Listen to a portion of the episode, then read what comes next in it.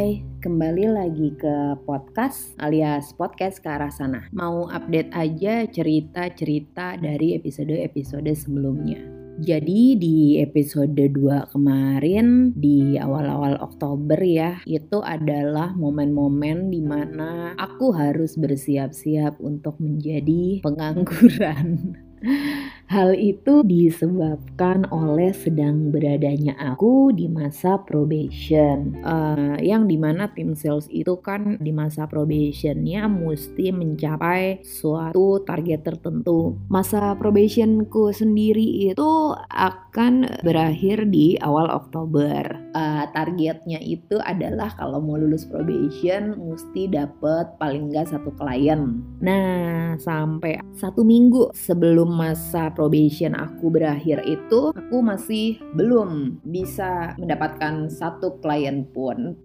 Dan semakin bikin aku berpikir aduh ternyata ini jadi sales susah juga ya. Kayaknya mendingan balik ke alam sebenarnya yaitu jadi IT ya well tapi karena challenge sudah diambil jadi ya kita harus tetap bertanggung jawab terhadap apa yang sudah kita putuskan. Jadi karena aku udah memutuskan untuk coba challenge jadi tim sales ini maka aku berpikir wah ini mau nggak mau sih tetap mesti dapet klien sih ya. Meskipun waktunya tuh udah tinggal beberapa hari sebelum masa probation berakhir. Yang artinya kalau sampai masa probation itu berakhir dan aku masih tetap belum dapat klien, maka akan diputuskan aku tidak lulus masa probation ini. Yang artinya juga kalau aku nggak lulus masa probation ini, terus aku tidak bekerja lagi di sini dan aku belum punya pekerjaan lainnya, kan artinya aku akan menganggur ya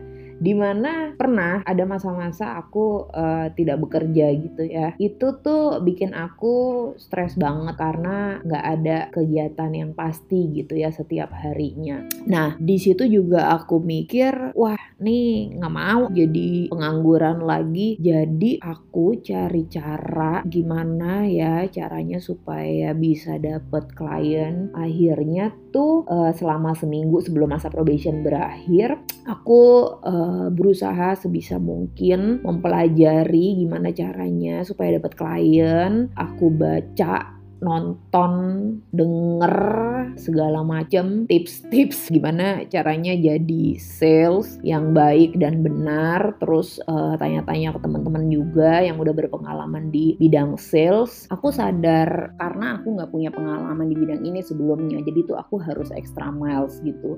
Dan aku juga makin menyadari kenapa ini tuh baru aku usahain banget banget uh, sekarang menjelang masa-masa genting ini.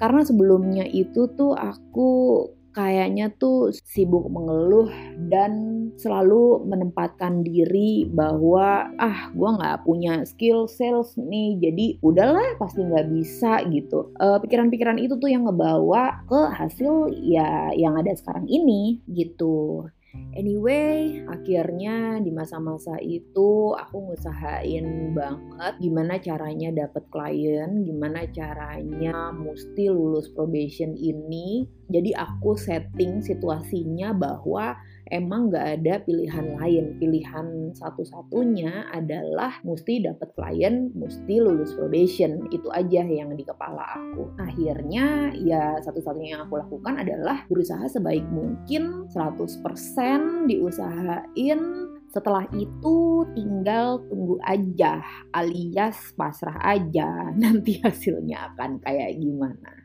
yang akhirnya hal tersebut mengantarkan aku di beberapa hari sebelum probation it berakhir akhirnya aku mendapatkan klien yeay ya um, lega juga sih. Akhirnya bisa dapat klien dan masa probation aman. Dan ada banyak yang bisa aku pelajari dari sini. Salah satunya adalah pada saat kita melakukan sesuatu sebaiknya kita lakukan secara 100% atau sebaik mungkin yang kita bisa. Kalau emang udah jalannya pasti akan terbuka kok pintu menuju ke arah sana Dan sebaliknya, kalau udah diusahain semampu yang kita bisa dan ternyata itu nggak kejadian, ya mungkin emang bukan jalan kita untuk menuju ke arah sana gitu.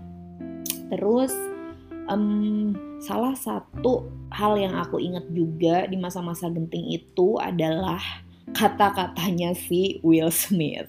Kenapa tiba-tiba Will Smith? Karena um, jadi pada waktu aku lagi uh, semangat banget pelajarin itu gimana caranya untuk dapat klien, aku kan nonton banyak video di YouTube ya. Terus kayaknya sih dari video-video yang aku tonton itu, makanya di recommended videos aku tuh muncullah tuh si Muke Will Smith dengan uh, quotesnya dia yang ternyata sangat berguna gitu loh untuk membantu aku berusaha di masa-masa genting itu. Jadi quote-nya dari Will Smith itu adalah there is no reason to have a plan B because it's a distraction of a plan A.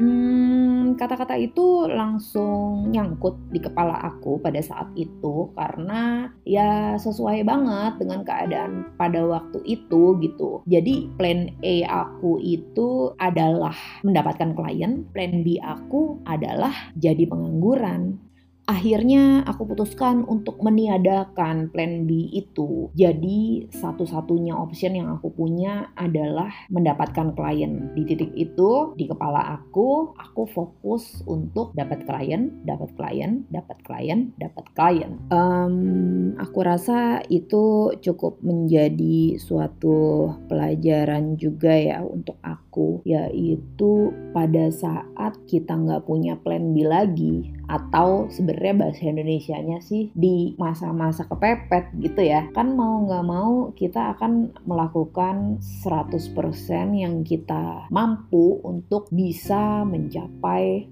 goal itu. Dan kalaupun ya, kalaupun hal itu atau goal itu akhirnya nggak kejadian atau nggak terwujud, paling enggak kita tuh udah ngasih yang terbaik yang kita bisa sehingga nggak akan ada penyesalan lagi apa pun hasilnya. Uh, gitu aja cerita dari aku untuk episode 3 ini yang aku ambil berdasarkan dari apa yang aku alami dan special thanks untuk Will Smith yang tiba-tiba muncul di recommended videos aku yang bilang there is no reason to have a plan B because it's a distraction of a plan A.